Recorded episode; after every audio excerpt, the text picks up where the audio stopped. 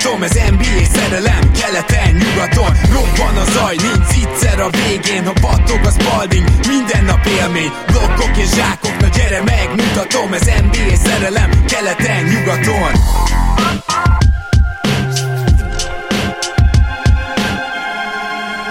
Jó, szép jó napot kívánok! Ez itt a Stars.hu keleten-nyugaton podcast, annak is a 101. része. Én Rédai Gábor vagyok, és mint mindig, most is itt van velem Zukály Zoltán. Szia Zoli! Szia Gábor, örülök, hogy itt lehetek. Na hát akkor kezdjük először is azzal, hogy túl vagyunk a századik részen, ami elég maratonira sikerült, úgyhogy sikerült is kihagyni még így is belőle egy dolgot. Volt egy meglepetés kérdésed Zoli Dani Lajostól, amit igazából akkor kellett volna felolvasnom, csak hát ugye a majdnem 5 órás felvételi idő megtette a hatását, úgyhogy ezt, ezzel kezdünk most. Tegyük fel, hogy Kawai kijelenti a nyáron, hogy el akar menni, és muszáj elcserélni, mivel player optionja van jövőre. A Mavs megnyeri a latterit, egy per egy áll hozzátok Doncsicsot, és utána jön Lenárd bejelentése. Meglépnéd az Zoli a cserét a Mavs helyében, hogy Kawhi Lenard for Luka Doncic plusz Harrison Barnes plusz a 19-es első körösötök. Persze, persze, muszáj lenne. Nem nagyon lehetne ezen sokat gondolkodni. Kawhi én azt gondolom, hogy egyértelműen top 30-as all-time tehetség, és csak azon múlik, hogy oda kerül-e majd ténylegesen az ilyen ranglistákon, hogy milyen csapatok lesznek körülötte. A tehetsége, a munkamorálja mind, mind ott van, hogy, hogy elérje ezt a szintet. Na hát akkor én azt gondolom, hogy egy pontosan ilyesmi témával folytassuk is, hogy ki milyen szintet tud majd elérni. Persze sokkal távolabbról indítunk, Ugye kezdődik a March Madness, mi ezt keddeste veszük fel ezt az adást, ez fontos tudnotok, mert csütörtökön halljátok majd nagy valószínűséggel meg. Ami fontos a March madness kapcsolatban, hogy se az Oli, se én nem annyira követjük ugye NCAA-t, de azt sem mondhatnánk, hogy egyáltalán nem. Ennek ellenére azért nem ketten próbálkozunk itt titeket bevezetni ennek a rejtelmeibe. Éppen ezért hívtunk egy szakértő vendéget, és ez természetesen Kovács Ádám, ő is itt van most velünk. Szia Ádám!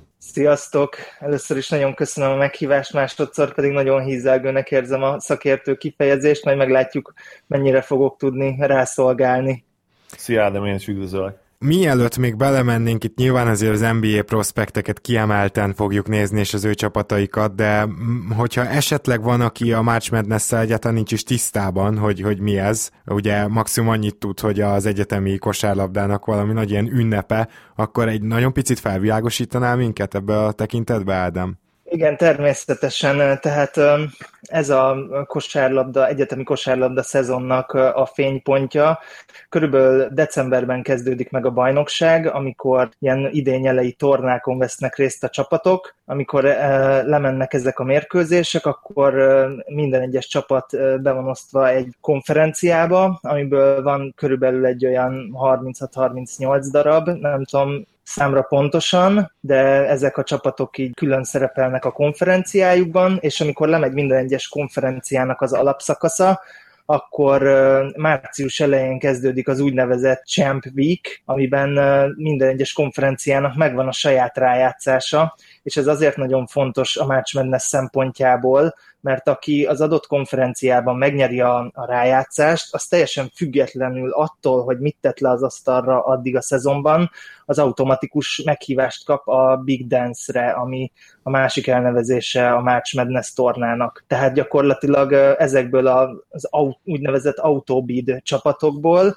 és az összes többi legjobb csapatból, ami, amelyeket a, az NCAA bizottság választ ki az úgynevezett Selection Sunday-en, ami most vasárnap volt.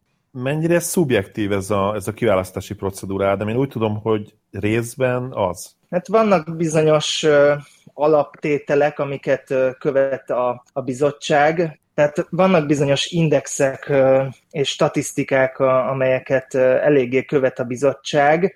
Idén láthatóan nagyon nagy hangsúlyt fektettek az úgynevezett Strengths of Schedule-re, ami más néven SOS, hogy az adott program, csapat mennyire tud komoly ellenfeleket lekötni. Ezért lehet majd azt látni a torna során, hogy több olyan csapat van, aminek a mérlege ilyen 20 győzelem, 20-22 győzelem és legalább 8-10 vereség, mégis ott vannak a meghívottak között, ugyanis olyan ellenfeleket találtak maguknak, amelyek ö, elég potensek. tehát jobban értékeli a bizottság azt, hogyha potensebb ellenfelekkel játszik egy adott csapat. Megütött a fülemet a lekötni szó, akkor ebből arra következtetek, hogy hogy itt szerveznie kell a csapatoknak is, hogy kivel játszanak? Így van, a bajnokság első felében mindenki szabadon választhat ellenfeleket, és itt van a szervezésnek nagy jelentősége. Tehát ez az out of conference schedule, uh-huh. amit De... magyarul talán úgy tudnék megfogalmazni, ugye, hogy a konferencián kívüli meccsek. De ez azt jelenti tehát, hogy a konferenciájukkal is játszanak, és még azon kívül is kell, hogy játszanak másokkal meccseket. Így van, így van, a bajnokság elején egy olyan 8-10 meccs megy le így. És akkor az ugye, az ugye nagyon trükkös, mert hogyha túl erős ellenfeleket találsz, akkor rossz lehet a mérleget, ha meg túl gyengét, akkor meg nem fogsz érvényesülni a strength of schedule miatt, ugye? Így van, és ezért volt idén elég nagy visszhangja vagy felháborodás azzal kapcsolatban, hogy a St. Mary's az egy elég olyan csapat volt, aki végig a top 25 környékén mozgott, viszont a Gonzágával tudott kétszer játszani, amelyik potensebb csapat, és egyébként pedig egy értékelhető ellenfél ellen játszott még, a többiek azok gyengébb ellenfelek voltak, és ki is kapott a konferenciájának a negyed döntőjében, és ez bizony a, a meghívásába került, úgyhogy a, a St. Mary's az lemaradt emiatt. Tréjánk csapata végül bekerült? Így van, ők bekerültek a tizedik helyen, ez is eléggé vitatárgya volt, hogy ők megérdemlik vagy nem, hiszen február óta körülbelül három győzelmük volt, úgyhogy ők, ők nagyon besántikáltak a Madnessbe körülbelül. És mi a helyzet Michael Porter csapatával? Michael Porter csapata pedig nyolcadik kiemelést kapott, a nyugati régióban. Én nem gondoltam volna, hogy ilyen simán bekerülnek, de idén az SEC, tehát a, a délkeleti konferencia elég erős volt, úgyhogy ők minőségi ellenfelekkel tudtak játszani. Én úgy gondolom, hogy ők nem fognak tovább jutni egyébként itt az első körből. Most Porternek ez lesz a harmadik meccse. Hát igen. Összesen. Jó, mielőtt még tovább mennénk, még muszáj két játékosnak a klubjára rákérdeznem, ez pedig Golomán György és Mócsán Bálint klubjai. Ő, ővelük mi a helyzet? Golomán György, aki nem tudná a UCLA Bruins-t erősíti, és idén egyébként elég jó lehetőséget kapott, hiszen 32 meccsen pályára lépett, és 24 és fél percet átlagolt, amely alatt több mint 7 pontot és több mint 4 lepattanót gyűjtött, és a, a tripla százaléka is abszolút biztató, 43 százalék. Szerinted lehet még esély rá, hogy a második körben ledraftolják őt, vagy, vagy ezért az a hajó már elúszott, viszont nagyon sok inváltot kaphat majd Summer League csapatokba. Én abszolút nem tartom kizártnak, hogy ők a nyári ligás meghívót. Én minden fórumon igyekszem majd megosztani, ami csak létezik a, a tavalyi March Madness-nek az egyik fénypontját, amikor a UCLA a Kentucky-val játszott, és Gyuri úgy átzsákolta Bam Adebayot, hogy én az egész kerületet felordítottam. Tehát, hogyha esetleg azt azt a kedves néző-hallgatóitok nem látták, akkor azt lehet, hogy be lehetne majd rakni a podcast alá. Hát akkor ez a te dolgod lesz minden esetre. Ha jól tudom, akkor ő tavaly jelentkezett hivatalosan a draftra, tehát most már ledraftolni nem fogják, csak egyzőtábor meghívókat kaphat, ugye? Igen, én is úgy emlékszem, de ebben nem vagyok száz százalékig biztos. Nekem is csak ilyen homályos emlék, és akkor az UCLA-jel mi a helyzet? Tehát őt láthatjuk el March Madness alatt? A UCLA elég érdekes helyzetben van, hiszen ők az úgynevezett First Four-ban szerepelnek, tehát a, a March Madness úgy áll össze, hogy 68 csapat van jelenleg, és 64 hely van az első körhöz, és van 8 csapat, amelynek úgynevezett selejtezőt kell vívnia ehhez. Ezek egy meccses a... selejtezők? Igen, egy-egy meccsek. És, és a... jól tudom, hogy ezek az egy-egy meccsek, ugye most kedd van, mikor felvesszük, ezt még egyszer hangsúlyozom, ezek majd most lesznek, tehát csütörtökre ezt már tudni fogják a hallgatók? Abszolút, olyannyira, hogy az egyik meccs az pont most zajlik, két 16. kiemelt között. Ha jól tudom, akkor holnap játszanak uh, Gollománék, uh-huh. és hogyha ők nyernek, akkor kerülnek a főtáblára. Hát a UCLA-nek kicsit uh, botladozó szezonja volt, de én őket abszolút úgy várom, hogy a legjobb 16 közé is bejuthatnak, ami lehet, hogy egy kicsit homer pick, de hogyha azt vesszük, akkor Aaron Holiday nagyon beindult az, az utóbbi időben, aki, ha jól tudom, akkor az NBA-ből is ismert Holiday-ek, Holiday-ekkel rokoni kapcsolatban van. 20 pont fölött átlagol, és, és nagyon megérkezett itt most márciusban a játéka. És akkor mi a helyzet a, ha jól tudom, bengals ugye? Tehát Mócsán Bálintékkal? Milyen szezon futottak, mert ha jól tudom, akkor velük nem nagyon találkozhatunk már.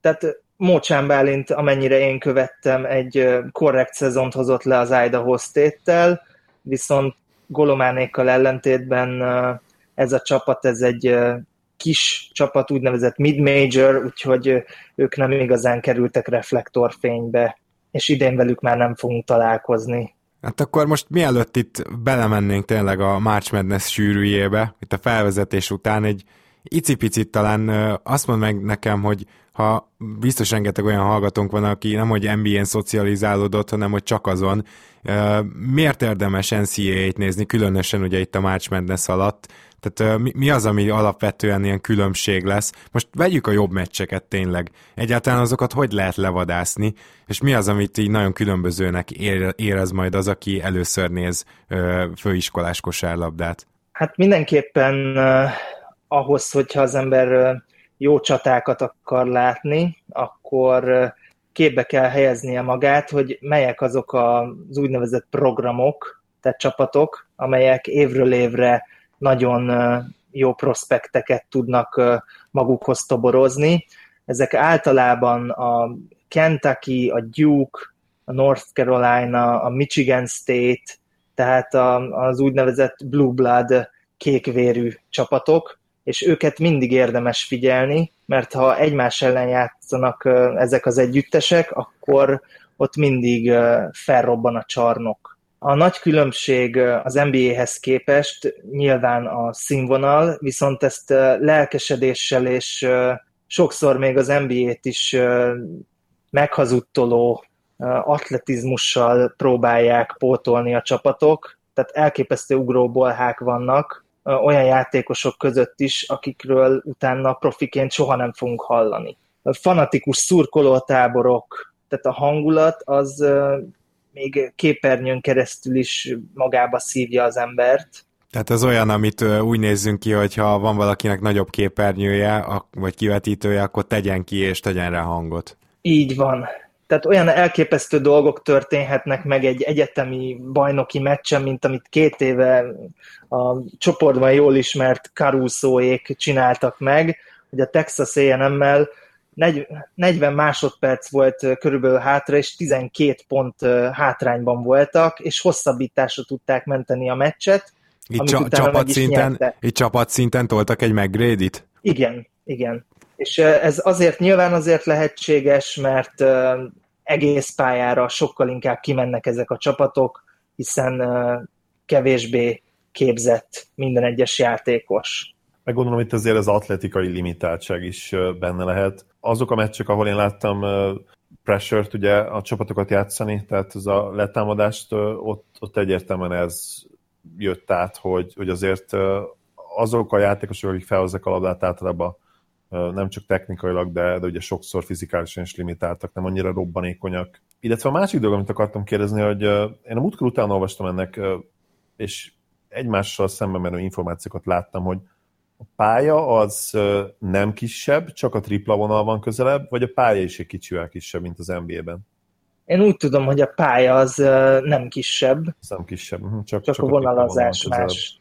Na most, hogyha már beszélgetünk itt a tripla vonalról, Például az NBA prospekteknek a megítélése az egy nagyon nehéz kérdés, emiatt az egyetlen egy dolog miatt is, ugyanis rengeteg jó tripladobó van, vagy hát nyilván ennyi játékos között persze, hogy sok jó tripladobó van az NCAA-ben, de az már kicsit problémásabb, hogy nagyon kevés tudja átvinni azt a jó dobást az NBA-ben. Most erre nyilván több magyarázat van, nem csak az, hogy messzebb van az NBA tripla, hanem az is például, hogy nem elég atletikus egyáltalán üres dobó helyzetbe kerüljön, vagy amit meg tudott teremteni magának pull-up helyzetet, azt nem tudja az NBA-ben, mert nem elég képzett és atletikus. Biztos, hogy rengeteg ilyen is van, de egyébként az NCAA miért ragaszkodik ennyire ehhez a tripla vonalhoz, amikor már ugye Európában is kijebb hozták a, azt a bizonyos vonalat, és most épp a kettő között van, hogyha jól tudom. Én azt gondolom, hogy ennek azért az lehet az oka, hogy az utóbbi időben olyan intézkedéseket hoztak, ami egyértelműen a támadó kosárlabdát kívánja javítani. Ilyen intézkedés volt az, hogy a 35 másodperces támadóidőt levitték 30-ra, és minél több pontot szeretnének látni az adott meccseken. Egyébként én is azok táborát erősítem, akik úgy gondolják, hogy nem azért le, nem lehet átvinni a jó tripla százalékokat az NBA-be, mert ott messzebb van a vonal, hanem azért, mert sokkal kevesebb zavartalan dobást tudnak vállalni ott már a fiatal tehetségek. És főleg igaz szerintem ez a magas játékosokra. Mert az egyetemen nagyon sokszor előfordul, hogy egy csapatban lomha a magas játékos, és egyszerűen nem tud kiérni a tripla vonalhoz, ezért sokszor a centerek teljesen üres hármas dobhatnak Hát de még egy Nick Stauskas is, csak ki tudom mondani, ha belegondolunk, igazából fantasztikus dobónak tűnt még az NCAA-ben és az NBA-ben, pedig még azt sem mondhatjuk, hogy ő nem atletikus, mert viszonylag az, tehát hogy nem, nem ilyen nagyon vészes, mégsem tud egyszerűen megélni ebből. Hát Stauskas egyébként számomra egy rejtély, mert a Michiganben végig abszolút fejlődő ívet írt le, és egy spot-up shooterként kezdte, utána pedig szépen elkezdett labdavezetésből dolgozni, elég ügyes playmaking skilleket is csillogtatott már, és utána valahogy az NBA-ben teljesen elhagyta az önbizalma is, úgyhogy én ezt elsősorban nála mentális problémának érzem. Van egy téma most, amiről mindenképpen beszélnünk kell. Nem feltétlenül a legkelmesebb téma, és nem is biztos, hogy szerencsés felhoznunk, ha kedvet akarunk csinálni nézőhallgatóinak a March Madnesshez. De hát azért, hogyha már aktuális és, és tényleg ilyen horderejű a dolog, csak beszélnünk kell róla. Az FBI nyomozásról van szó értelemszerűen, ami hát felvetette azt, hogy bizonyos edzők lefizették a játékosokat, pénzt adtak nekik ugye illegálisan, hogy náluk játszanak, bár azt hiszem, hogy nem nevezték meg konkrétan, hogy nyilván amíg folyik a nyomozás, nem lehet megnevezni ezen csapatokat, de már vannak ilyen összeesküvés elméletek is, így, hogy a, a Louisville ugye nem került be, illetve a UCS, vagy akár az Oklahoma State. Először is mi a véleményed erről a botrányról, és szerinted lehet-e valami, hogy akár az NCAA keze is benne lehet, és, és tényleg egy ilyen összeesküvés lehet a háttérben? Én összeesküvés elméleteket inkább nem gyártanék, de az tény, hogy, hogy van egy olyan eddig feloldhatatlannak tűnő ellentét, aközött, hogy amatőr kosárlabdáról beszélünk, tehát a játékosok nem kaphatnak fizetést, a fizetségük az, hogy ösztöndíjat kapnak és tanulhatnak, de hát ha azt vesszük, hogy, hogy hány ember, itt edzők, sportszergyártók, tévécsatornák mennyi pénzt keresnek ebből az egész NCA-ből, akkor én azt gondolom, hogy ez a helyzet, ez tarthatatlan. Igen, és ezt itt mondjuk el, ugye, hogy míg más, más sportágban Divízió egy, egynél például vannak nem teljes ösztöndíjak is, kosárlabdában ezt azzal próbálta kompenzálni az NCAA, hogy gyakorlatilag aki kap ösztöndíjat, az csak teljeset kap Divízió egyben, de még így is valljuk be, ez, ez nagyon kevés kompenzáció úgy, hogy közben dollármilliókat, sőt, hát dollár százmilliókat keresnek az NCAA, NCAA-nek gyakorlatilag. Igen, és úgy gondolom, hogy itt nem elsősorban azok a játékosok szenvedik ezt meg, akik utána profik lesznek, hanem azok a játékosok, akik egyetemi szinten jól teljesítenek, szépen viszik a csapatukat a, a hátukon, nem tudom én, hetente 8-10 edzésen ott vannak, aztán utána pedig nem tudnak elég időt beletenni a tanulmányaikba, és profik sem lesznek. Tehát szerintem őket valahogy anyagilag honorálni kellene. Nem tudom, hogy ti ezt hogy látjátok. Ez egy, ez egy nagyon jó meglátás, amit most mondasz, igen, mert uh, nyilván négy évig, vagy nem is csak négy évig előtte azért ezek a játékosok nyilvánvalóan komolyan veszik a kosárlabdát bele, ölik az idejük nagy részét. Ugye profinak aztán nem tudnak menni. Tényleg lehetne említeni sok ilyen NCA játékost, akár Start is, aki ugye a profiknál hát szinte semmit nem keresett, és elképzelhető igen, hogy közben nem is tudják azt a, azt a diplomát megszerezni, amit akarnak. Nyilván utána szívesen látják őket vissza ezeken az egyetemeken, ugye arról is ugye az is előfordul sokszor, hogy egy már NBA-ben játszó játékos szerez utána diplomát az Alma Mater iskolájából, de, de valóban én is egyetértek veled ebből a szempontból, hogy, hogy kellene ezeknek a játékosoknak, akik megtöltik a stadionokat, de még sincs garantálva az, hogy ők a profik között is zsíros szerződéseket fognak kapni, ők mindenképp megérdemelnék a kompenzációt. Így van, és egyébként visszakanyarodva a botrányhoz, pont ezért is nyomoz az FBI, mivel itt segédedzők, az Adidas képviselői keresik meg nem is közvetlenül a játékost, vagy a játékosnak a családját, és ugye különböző anyagi juttatásokat ígérnek, hogyha bizonyos egyetemet választ, és ebbe úgy folynak bele a sportszergyártók, hogy ők pedig próbálják afelé az egyetem felé terelni a, a nevesebb prospekteket, amelyek ugye a, az ő márkájukat viselik. Hm. Ez nem egy új keletű botrány, nem tudom, hogy ismeritek-e, vagy láttátok-e azt a filmet, amiben Nick Nolte játszott, és ha jól emlékszem, Shaquille O'Neal, és Blue, az is Chips. egy... Azt hiszem Blue Chips volt a neve, vagy Blue Chip. Igen, az nem egy új film, és pontosan ugyanezt a témát dolgozza fel, hogy tisztességtelen módon uh, toborozták a középiskolai játékosokat. Most az évelején már volt egy botrány, ami a Louisville edzőjének, uh, Rick Pittinónak az állásába került, ott még olyan uh, sztorik is voltak, hogy, uh, hogy amikor ezek a középiskolás játékosok hivatalos látogatáson vannak a, az adott uh, egyetemen, hogy ott megpróbálják őket rágyő, rábeszélni, hogy, hogy válaszd a Louisville-t, mert itt ilyen a komplexum, így edzünk, ilyen a filozófia, ott, ott este bizony uh, striptease bárokba vitték ezeket a srácokat, és uh, hát nem csak a vetkőzésig jutottak el a lányokkal, hogy úgy fogalmazzak. Az kemény. Hát itt már tényleg elérkezünk ahhoz a ponthoz, amikor ezek a játékosok gondolom, ráadásul 18 év alattiak is lehetnek, még simán lehetnek 17 évesek. Hát amikor már itt tényleg komoly jogi kategóriákat sértünk, Na de, nyergeljünk egy kicsit tehát arra, hogy kiket lesz érdemes figyelni, és egy nagyon különleges kérdéssel készültem így kezdésnek. Gondolom mindenki azt várja, hogy rögtön Ejtonra terelődjön a szó, de az elmúlt években egyre több olyan játékos volt, ha már beszéltünk azokról, akik három-négy évig az egyetemen maradnak, akik, akik három-négy év után kerültek az NBA-be, sok úgy, vagy hát egyre több úgy, hogy draftolatlanul, vagy tényleg a második körből. És ezeket a játékosokat, akik tényleg több év alatt fejlődnek csak ki NBA szintre, valahogy ugye nem merik az első körökben bevállalni, de hát most én Toronto Raptors drukkerként mindenképpen meg kell, hogy említsem Fred Van Vliet-et, aki ugye draftolatlanul ment, de uh, talán ugyanide tartozik egyébként Delon Wright is, aki meg, ha jól emlékszem, talán három évet lehúzott az egyetemen, úgyhogy uh, most, most én látom, és talán-talán Siakam is több, mint egy évet. Tehát most én úgy látom, hogy ezekkel a, tényleg aranyat lehet bányászni, hogyha egyszer-egyszer bejön egy ilyen húzás, és hogy idén van-e valaki, aki harmadik vagy negyedik évében nagyot robbantott, és a második kör végén vagy draftolatlanul szerinted nagyon beválhatna NBA csapatoknak? Ez lenne az első kérdésem.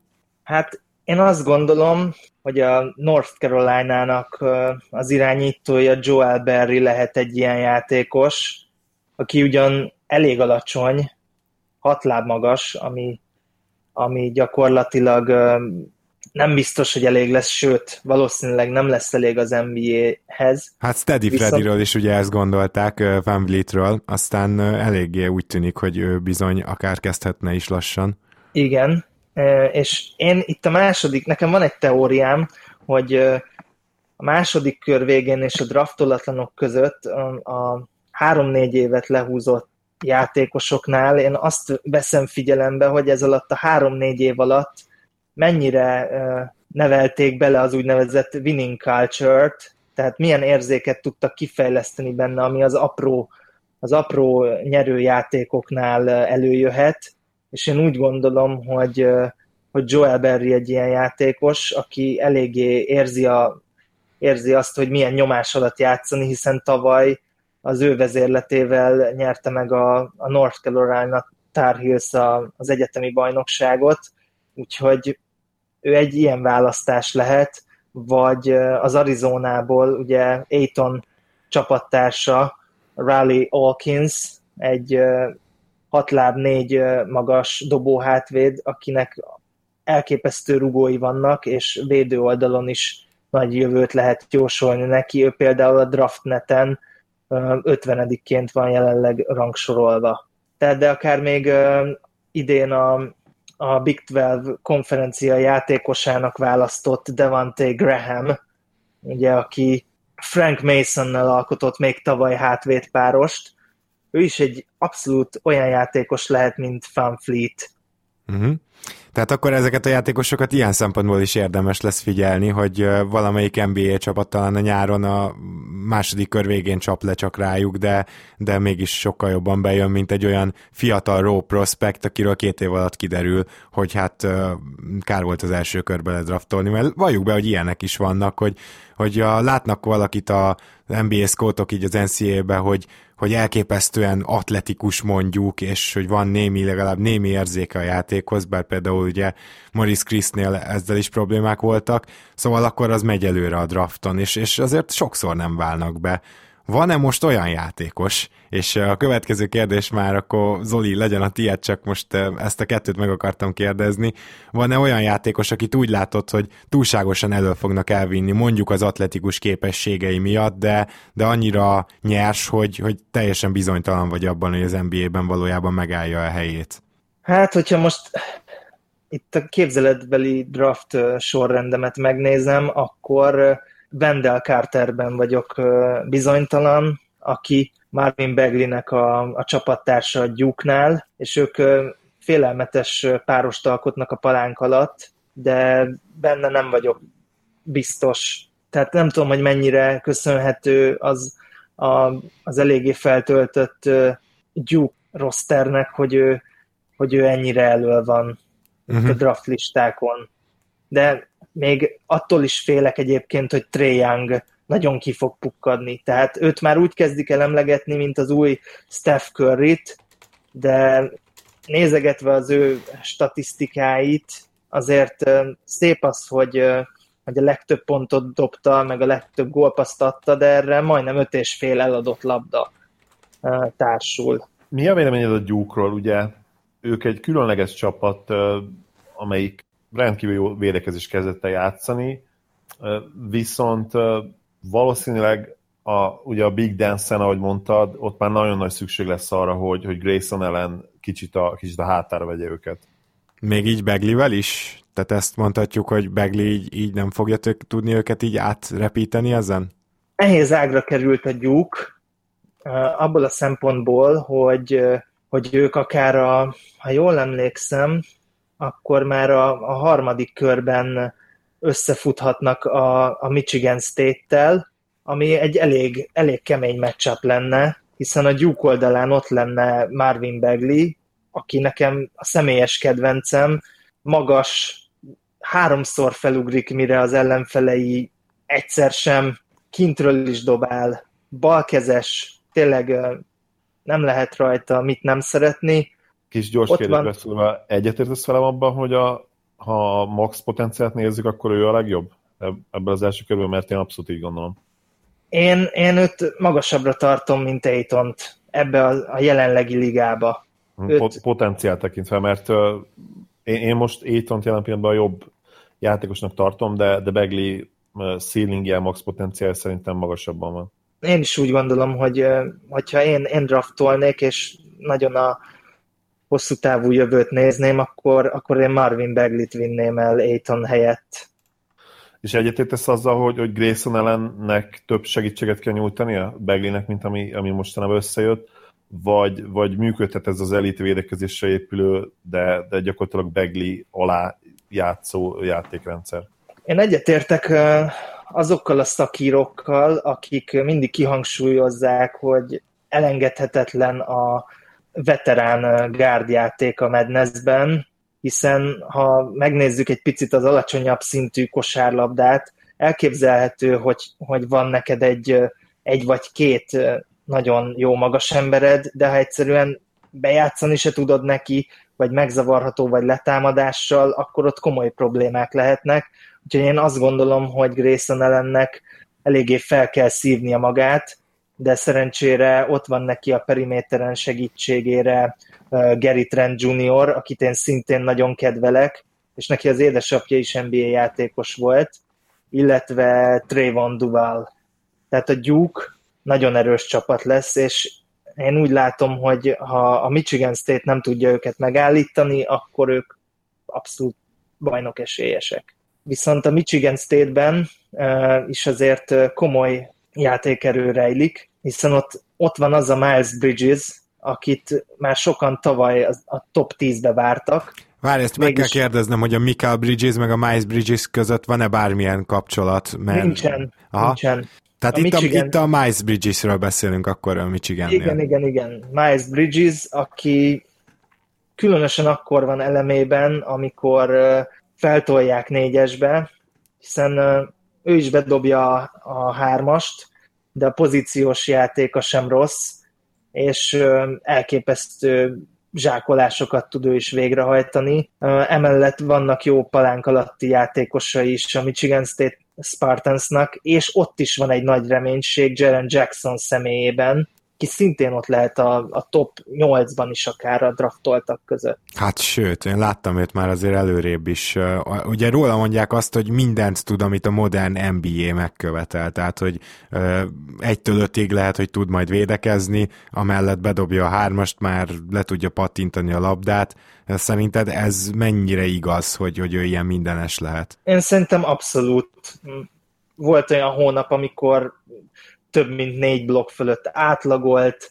Én szerintem egy small ball centernél nagyon fontos, hogy, hogy ne csak bent, hanem kint is tudjon védekezni a, a zárások után, ő erre is képes, tényleg a hármasokat is be tudja szórni. Talán még egy picit nyers, illetve hajlamos arra, hogy három perc alatt kipontozza magát, de én azt gondolom, hogy egy jó stáb ki tudja ezt nevelni belőle. Na és a Duke és a Michigan mellett melyek, talán még két-három extra esélyes csapatot meg tudunk említeni, ugye? Mert hogyha jól tudom, akkor idén azért van egy ilyen öt csapat körülbelül, akit így a döntőbe várnak. Igen, én az Arizonát, tehát Aitonékat egészen a döntőig látom, hogy el tudnának jutni, hiszen Aitonnak azért vannak minőségi csapattársai. Az előbb már Hawkins-t említettem, Jackson Cartwright még ott van, illetve Alonso Trier, aki szintén egy első kör végi, második kör elejé játékos, és ők nem freshmenek, ami szintén nagyon fontos, tehát nem kezdő első éves játékosok, és ilyenkor a tapasztalat azért nagyon jól jön, hiszen itt, ha még nem említettem volna, itt a March Madness tornán itt egy győzelem, Vinorgo home van, úgyhogy nem lehet hibázni. Az kemény.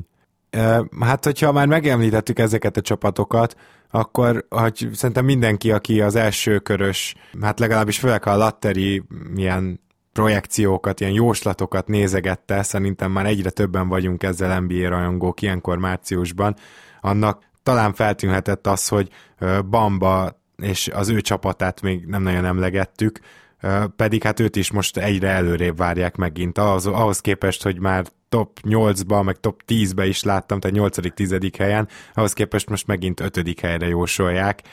Mi a helyzet vele, és mi a helyzet a csapatával? A Texas egy elég nehéz csapatot kapott az első körben, a Texas tizedik kiemelt, ez is mutatja, hogy nem éppen csont nélkül kerültek kiválasztásra, és erősebb, papíron erősebb ellenfél ellen fognak pályára lépni a Nevada ellen, és én megmondom őszintén, hogy úgy gondolom, hogy ki is fognak esni az első körben. Bamba nem teljesen egészséges, és picit hullámzó volt a teljesítménye, lehet, hogy a sérülés miatt, de én azt látom, hogy, hogy a Texas ki fog esni az első fordulóban, de én, én Jackson-t előbb elvinném, mint Bambát. Hm. És mit is mondtál, bocsánat, hogy ki lesz az ellenfelük? Mármint a, a ne- Texas? A Nevada. És a, a Nevada-ról mit kell tudnunk? Ők is szintén akár a végsőkig mehetnek? Hát a, a Nevada egy uh, elég korrekt csapat, lehoztak egy uh, 27 győzelem, uh, 7 vereséges szezont, de azért ez egy, uh, ez egy uh, kisebb csapat, szóval ő nekik inkább a, itt a, a matchup kedvezhet, nem pedig, nem pedig azt gondolnám, hogy, hogy azért mennek tovább, mert ők a végső győzelemre is esélyesek, de mert ha megvizsgáljuk itt az utolsó 12 mérkőzést, a Nevada 9 győzelem, 3 vereség, a Texas pedig 5 győzelem, 7 vereség. Úgyhogy a formaidőzítés az, az jobban sikerült a Nevadának. Én azt gondolom, hogy ezt tartani is fogják. Viszont utána egy olyan Cincinnati Bearcats csapattal találkozhatnak a második körben, amely a szívós védekezéséről híres, és őket nem fogják tudni feltörni. Tehát a második legjobb védekezése van a, a Cincinnati-nek a, az egész országban, az első kiemelt Virginia után, és én azt gondolom, hogy az, az ilyen semleges pályákon lejátszott egyőzelmig tartó mérkőzéseken nagyon nagy szerepe van annak, hogy hogy védekezel, és hogy mennyire becsülöd meg a labdát illetve még azt, hogy, hogy milyen arányban tudod leszedni a védő lepattanóidat. És ez, ezekben a kategóriákban a Cincinnati nagyon jó, illetve ők 24 nullával állnak a nem elit csapatok ellen, és a Nevada is ebbe a kategóriába tartozik, tehát ők a kötelezőt mindig hozzák. Hogy érzed, Ádám, hogy a, a Buffalo Arizona matchupén, megmondom hogy ugye Aiton miatt nyilván a top játékosok matchupjait kicsit jobban megnéztem, illetve van egy játékos a, a Buffalo-nál, CJ Messinberg, akit már így korábban ismertem, és láttam pár highlightot, ugye egy elég jókezű uh, srácról beszélünk. Annak ellenére, hogy nincs gyakorlatilag emberük uh, Aitonra, bár lehet, hogy egyébként ez szinte mindenkire igaz lenne jelen pillanatban az NCAA-ben, ott lehet esetleg egy upset, vagy, vagy túl, túl domináns lesz Aiton, és, és tovább tudnak menni. Ugye azt hiszem, hogy a Buffalo-nak van még két, két nagyon-nagyon jó csatára, a keretben, most nem tudom megmondani a nevüket, de azt hiszem, hogy egy ilyen elég jó spacinget biztosító, jó, jó labdajáratot csapatról van szó, amelyik, ha jól tudom, nem volt még túl sokat ugye a, a March madness de, de elég jó csapatot tett össze egy, az edzőjük, aki azt mondta, dolgozik egy három-négy éve. Én azért nem bízom az upsetben, itt ebben az esetben, mert a Buffalo egy elég gyatrán védekező csapat, és nem csak Aitont kellene megfogniuk, hanem a másik hét láb magas centert is az Arizonánál, aki Dusan Ristich. Tehát ők ketten, így már nagyon sok lesz szerintem a Buffalo belső védekezésének. Biztos vagyok benne, hogy egy nagyon jó meccset fognak látni, akik, akik ezt a találkozót választják, hiszen tényleg igazi rohanós kosárlabdát képvisel a Buffalo, és nagyon kiegyenlített a támadójátékuk, mert négy játékosuk is 14 és fél és 17 pont között átlagol, de szerintem ez nekik nagy falat lesz. Ha már beszélünk, ugye nyilván itt a legjobb prospektek szóba jönnek. A te, te mock top 10-et el, elmondanád ilyen pillanatban, hogy hogy néz ki? Ugye mondtad, hogy kicsit félsz Trae én ugyanebben a cipőben járok jelen pillanatban. Ugye Pándi Gergő barátunk nagyon-nagyon kedveli, és hát hype nekünk itt heteken keresztül, de azt hiszem ő is most már így mondta, hogy, hogy azért lehet, hogy túl szép az, amit, amit látunk, ahhoz, hogy igaz legyen, vagy lehet, hogy csak én szerettem volna, ezt mondta volna. Megmondom őszintén, hogy, hogy számomra ő egy ilyen kockázatos pikk, és lehet, hogy hatodik hely környékén, vagy hetedik hely környékén is óckodnék attól, hogy kiválasszam a Mavericksnek. Én abszolút nem vinném Trey Youngot olyan magasan, sőt, nálam nincsen benne az első tízben. Ha nem is pontosan így ez lenne nálam a sorrend, de Begli mindenképpen ott lenne nálam az első háromban, Aitonnal és Doncsicsal, mert egyszerűen én imádom Doncsicsot, ha őt beletennénk az NCA-be, akkor biztos vagyok benne, hogy játékintelligencia terén mindenkit magasan verne. Tényleg erősen attól függ az első három, hogy, éppen milyen csapat hogy értékeli ezeket a prospekteket. Jaren Jackson is nálam nagyon magasan van, Mobamba is top 10-es, hát Michael Porter Jr. tól is félnék, egyrészt az egészségi állapota miatt, másrészt pedig amiatt, mert egyetemi szinten sem nagyon láttuk őt játszani. A két Bridges nagyon kedvelem, tehát, uh, akkor beszéljünk a... már egy picit, mert Mice-ról beszéltünk, de ugye Igen? Mikáról is beszéljünk, mert azért nehéz, mert majdnem ugyanolyan magasak ráadásul, és kb. mind a ketten tudnak hármas poszton játszani, tehát nem lesz könnyű megkülönböztetni őket, mert a nevük is alig tér el. Tehát akkor Mika Bridges miben más róla, mit kell tudni? Hát Bridges, már itt Michael Bridges eléggé ezekben a catch and shoot dobás szituációkban szerintem jobb, mint Miles, és neki a védekezése is kiegyensúlyozottabb, és ő, a, ő abban a Villanovában játszik, amelyik a legjobb támadást hozza össze, hiszen ők 88 pontot átlagolnak meccsenként, ami a, a, az egész országban a legjobb. Tényleg egy olyan kultúrában játszott itt most, ha jól emlékszem, akkor igen, neki ez a harmadik éve, tehát a Villanova végig agyon nyerte magát. Gondolom sokan emlékeznek még a két évvel ezelőtti döntőre, ahol Jenkins egy utolsó másodperces hármassal nyerte meg a bajnokságot a, a Novának. Ő már annak a csapatnak is a tagja volt, és ott egyfajta X-faktor szerepkörben tűnt fel, és azóta folyamatosan fejlődött a külső dobása, gyakorlatilag védekezni szerintem egytől négyig tud. Akkor, hogy... akkor így kérdezem meg, hogy a Philadelphia választ mondjuk a tizedik helyen a Lakers pick és valamelyik Bridges még bent van, te melyik őket választanád a Philadelphia-nak, amelyik nyilvánvalóan még egy Covington-szerű játékos szeretne ö, keresni, hogy, hogy a kettes, hármas, négyes poszton egy ilyen jó védő, jó dobó ö, atletikus valaki bevethető legyen. Hát most lehet, hogy magamnak fogok ellent mondani, vagy hát egyik Bridges sem, ha még Kevin Knox bent lenne, mert mm. szerintem ő egy álomszerű játékos lenne a 76ershez. Nagyon szép és eredményes a, a dobó mozdulata, a magassága is megvan, mert 6 láb 9, én, én őt tartanám, és jelenleg is tizedik helyre rakja például a, a draftnet Szóval őt előbb vinném, mint a Bridges-eket, de hogyha bent van még mind a két Bridges, akkor talán Michael jobban illene Simonshoz. Nem félsz attól, hogy, hogy a triplázása Knoxnak nem lesz NBA szintű? És ugye Saric ráadásul gyönyörűen fejlődött idén, azt hiszem 39%-kal triplázik, talán a büntetőket is 80% felett dobja. Mm, Oda vinnéd a nyakára Noxot, vagy úgy gondolod inkább, hogy, hogy a mai NBA-ben az ő játékstílusa úgyis gyakorlatilag egy hatalmas need, és soha nem árt, hogyha ő ott van a rossz terén, és akár Saric mellett is játszhatna, nem feltétlenül kellene ugye kigolyóznia őt. Tehát ő nem az a játékos, aki szerintem az első évében már egetrengetőt fog művelni, hanem neki is azért kelleni fog egy-két év, mire belerázódik a, a profik világába.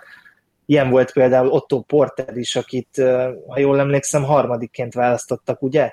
A Georgetown Egyetemről abban biztos vagyok, de ilyen nagyon, hama, nagyon az elején kelt el a draftnak. Így van. Tehát, tehát harmadikként, és sokan bustként könyvelték el, mert annyira nem tudott az első éveiben játékpercekhez jutni, és azóta pedig mekkorát fordult vele a világ. Szóval én azt gondolom, hogy nox nem lőnének mellé a, a Sixersnél, csak és kell neki egy már kis türelem. Igen, Tessék? Hát azt mondtam, hogy csak kell egy kis türelem, de a Philadelphia ebben nagyon jó. Így van. Most kérdezik egy nagyon durát. Mi van, hogyha Fili fél attól, hogy, hogy fulcalmi lesz, és úgy gondolják, hogy, hogy Shai Alexander egy kiváló fit lenne Simons mellé. Magas, ugye rendkívül jó atléta, nem is rossz védő, hogyha jól tudom, és minden arra mutat, hogy, hogy elit dobó lehet belőle akár egyes, kettes poszton, vagy akár hármas poszton is tud majd védekezni váltásoknál. Gyakorlatilag egy olyan játékos, aki a mai NBA-ben szerintem aranyat érne, mivel, hogyha őt kihúzzák, és, és mondjuk megmondják Fulcnak, nyilván ezt nem mondanák meg, de hogyha nem tud úgy fejlődni, ahogy, ahogy nyilván elvárják tőle, hogyha nem tudja a dobását rendbe hozni, akkor lehet, hogy, lehet, hogy Shai Alexander egy még nál is jobb fit lenne. Tehát Egyébként hozzáteszem, hogy mond... lehet, hogy alapban is jobb fit lehetne akár. Nyilván a legjobb Fulc az, az zseniális játékos lenne, de mert hogy ő egyébként egy ilyen első számú scoring opció, és én azt gondolom, hogy Fulc eleve akkor lenne a leghatékonyabb, hogyha, hogyha ő megkapná a labdát, és azt a, azt a usage-et, ami neki ahhoz kellene, hogy, hogy betöltse ezt a potenciált. Nem vagyok benne biztos, hogy, hogy alapban ez kellene a, a, a Filibe, viszont amit Shai Alexander nyújtani tudna, szerintem az, az, az hiányzik lenne már most is. Ő egy magasabb és atletikusabb George Hill, csak hogy egy kicsit így kössem Shai Alexandert, hogy mindenki előtt megjelenjen, úgyhogy kérlek erre is válaszolj, Ádám. Gilgis Alexanderről azt kell tudni, hogy amikor ő megkezdte a szezont a kentucky akkor még kezdőjátékos sem volt, és a szezon során jött rá a, a Kentucky edzője John Calipari, hogy igenis lehet ráépíteni, és ez odáig fejlődött, hogy gyakorlatilag most már ő az első számú védekezés bontó játékos, aki a többieknek és magának is kiharcolja a dobóhelyzeteket. Tehát jelenleg ő a Kentucky szempontjából fontosabb játékos, mint, mint maga a, az előbb említett Kevin Knox. És jelenleg is olyan felállásban sokszor játszik a Kentucky, ahol mellette Green játszik, aki szintén egy irányító, alacsonyabb ugyan Gilgis Alexandernél, de így is azt hiszem, hogy hozzá tud szokni a két irányítós rendszerhez, tehát emiatt mondjuk Simonszal ő jól meg tudna férni a pályán, viszont a külső dobásán neki még javítani kellene, én azt gondolom. De hát ezek édes problémák a Filinél. Abszolút uh, Gilgis Alexander egy, egy elvihető játékos. Ha már említ... Jó, bocsánat, jó a százaléka, de, de szinte alig vállal most még hármasnál, úgyhogy Mondjuk a 81, majdnem 82%-os büntetőzés az, az azért elég, optimi, elég sok optimizmusra ad okot. Bizony, és hogyha már beszéltünk Fulcról, akkor szerettem volna feltenni neked ezt a kérdést, Ádám, hogy uh, ugye Fulc és Ross is Washington Egyetemről jött, erre jól emlékszem, ugye? Terence Ross és Michael Fulc. Igen. És hát ugye erről a bizonyos egyetemről az hírlik, hogy ugye olyan rendszerben játszanak, hogy, hogy nagyon nehéz megnézni ott a prospekteket, mert egyszerűen folyamatosan zónát védekeznek, nem igazán tudod, hogy védekezésben milyen lesz a játékos, meg, meg a támadásban is nem annyira NBA mm, támadásokat vezetnek, és több ilyen rendszerű egyetem is van, szóval van-e olyan, ahol meg azért érdemes nézni a meccseket, mert az NBA játékhoz nagyon közel vannak, akár védekezésbe, akár támadásba, tehát tudnál lemondani olyan egyetemet, akár itt a March Madness versenyben is, vagy versengéseiben is, amire úgy figyeljünk, hogy az ott szereplő játékosoknak nagyon hasonló kihívásokkal kell megküzdenie, mint egy NBA szisztemben, rendszerben kellene.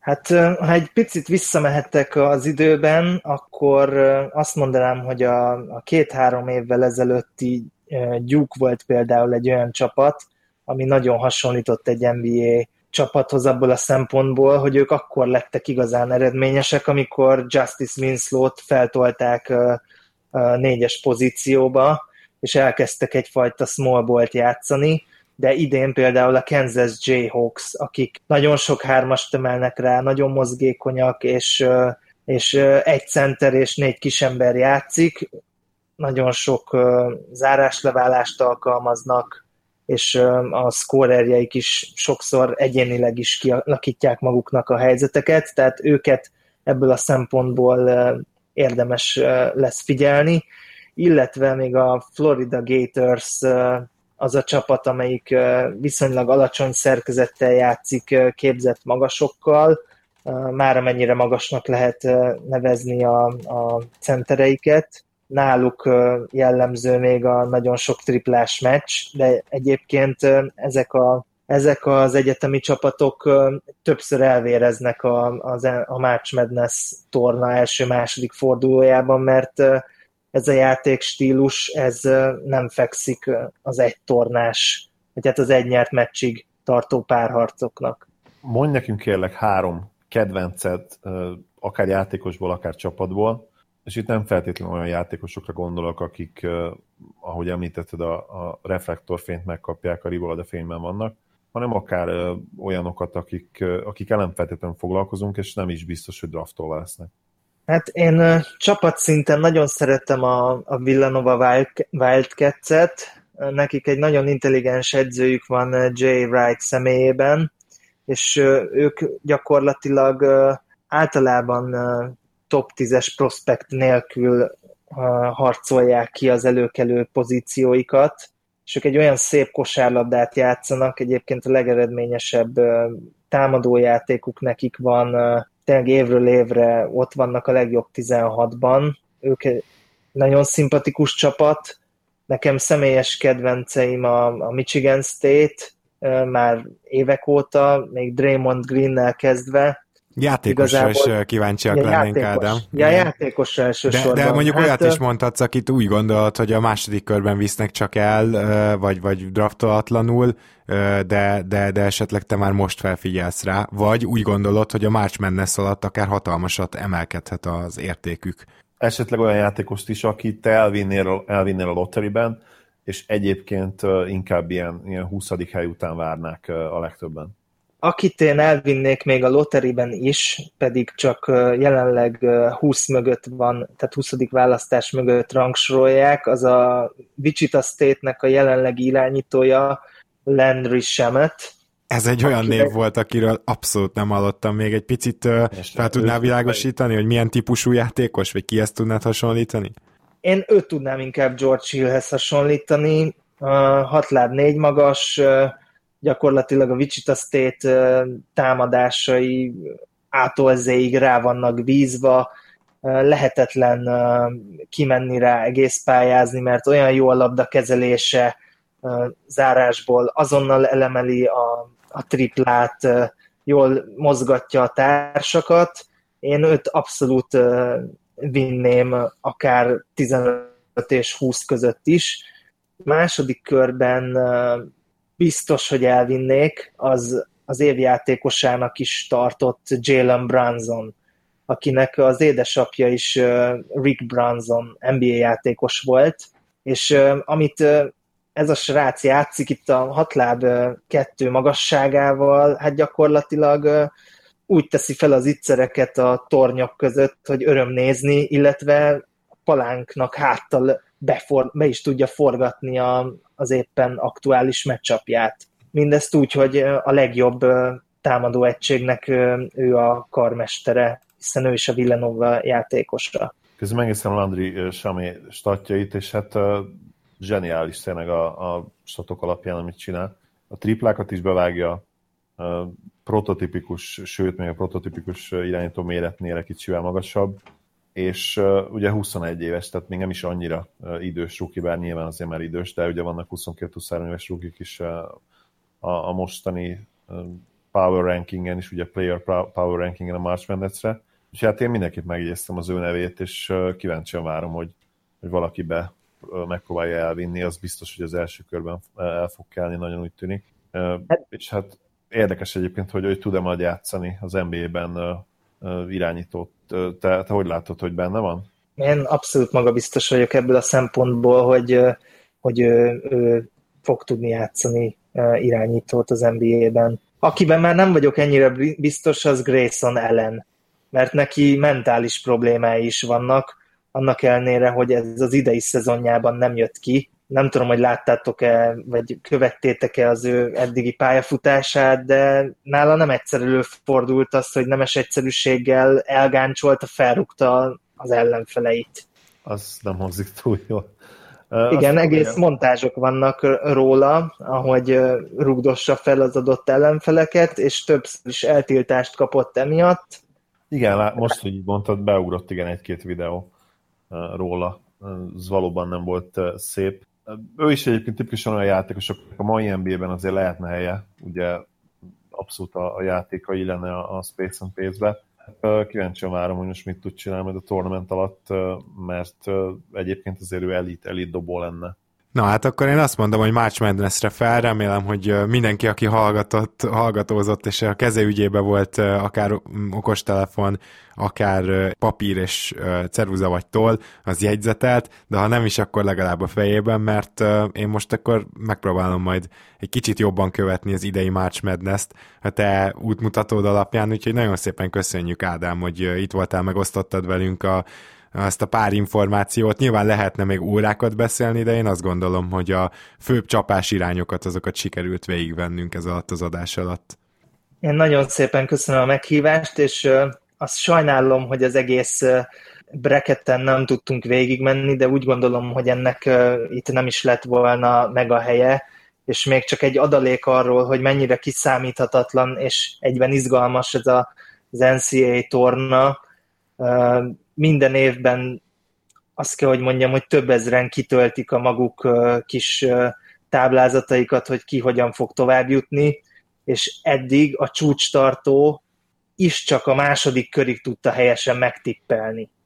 Tehát annyira, annyira elképzelhetetlenül megtippelhetetlen az az egész, úgyhogy én azt gondolom, hogy itt okosnak lenni nem lehet, itt maximum okoskodni lehet, és egyet lehet tudni, hogy a, a meglepetés, az upset, az, az valahonnan jönni fog. Csak azt nem lehet tudni, hogy balról vagy jobbról.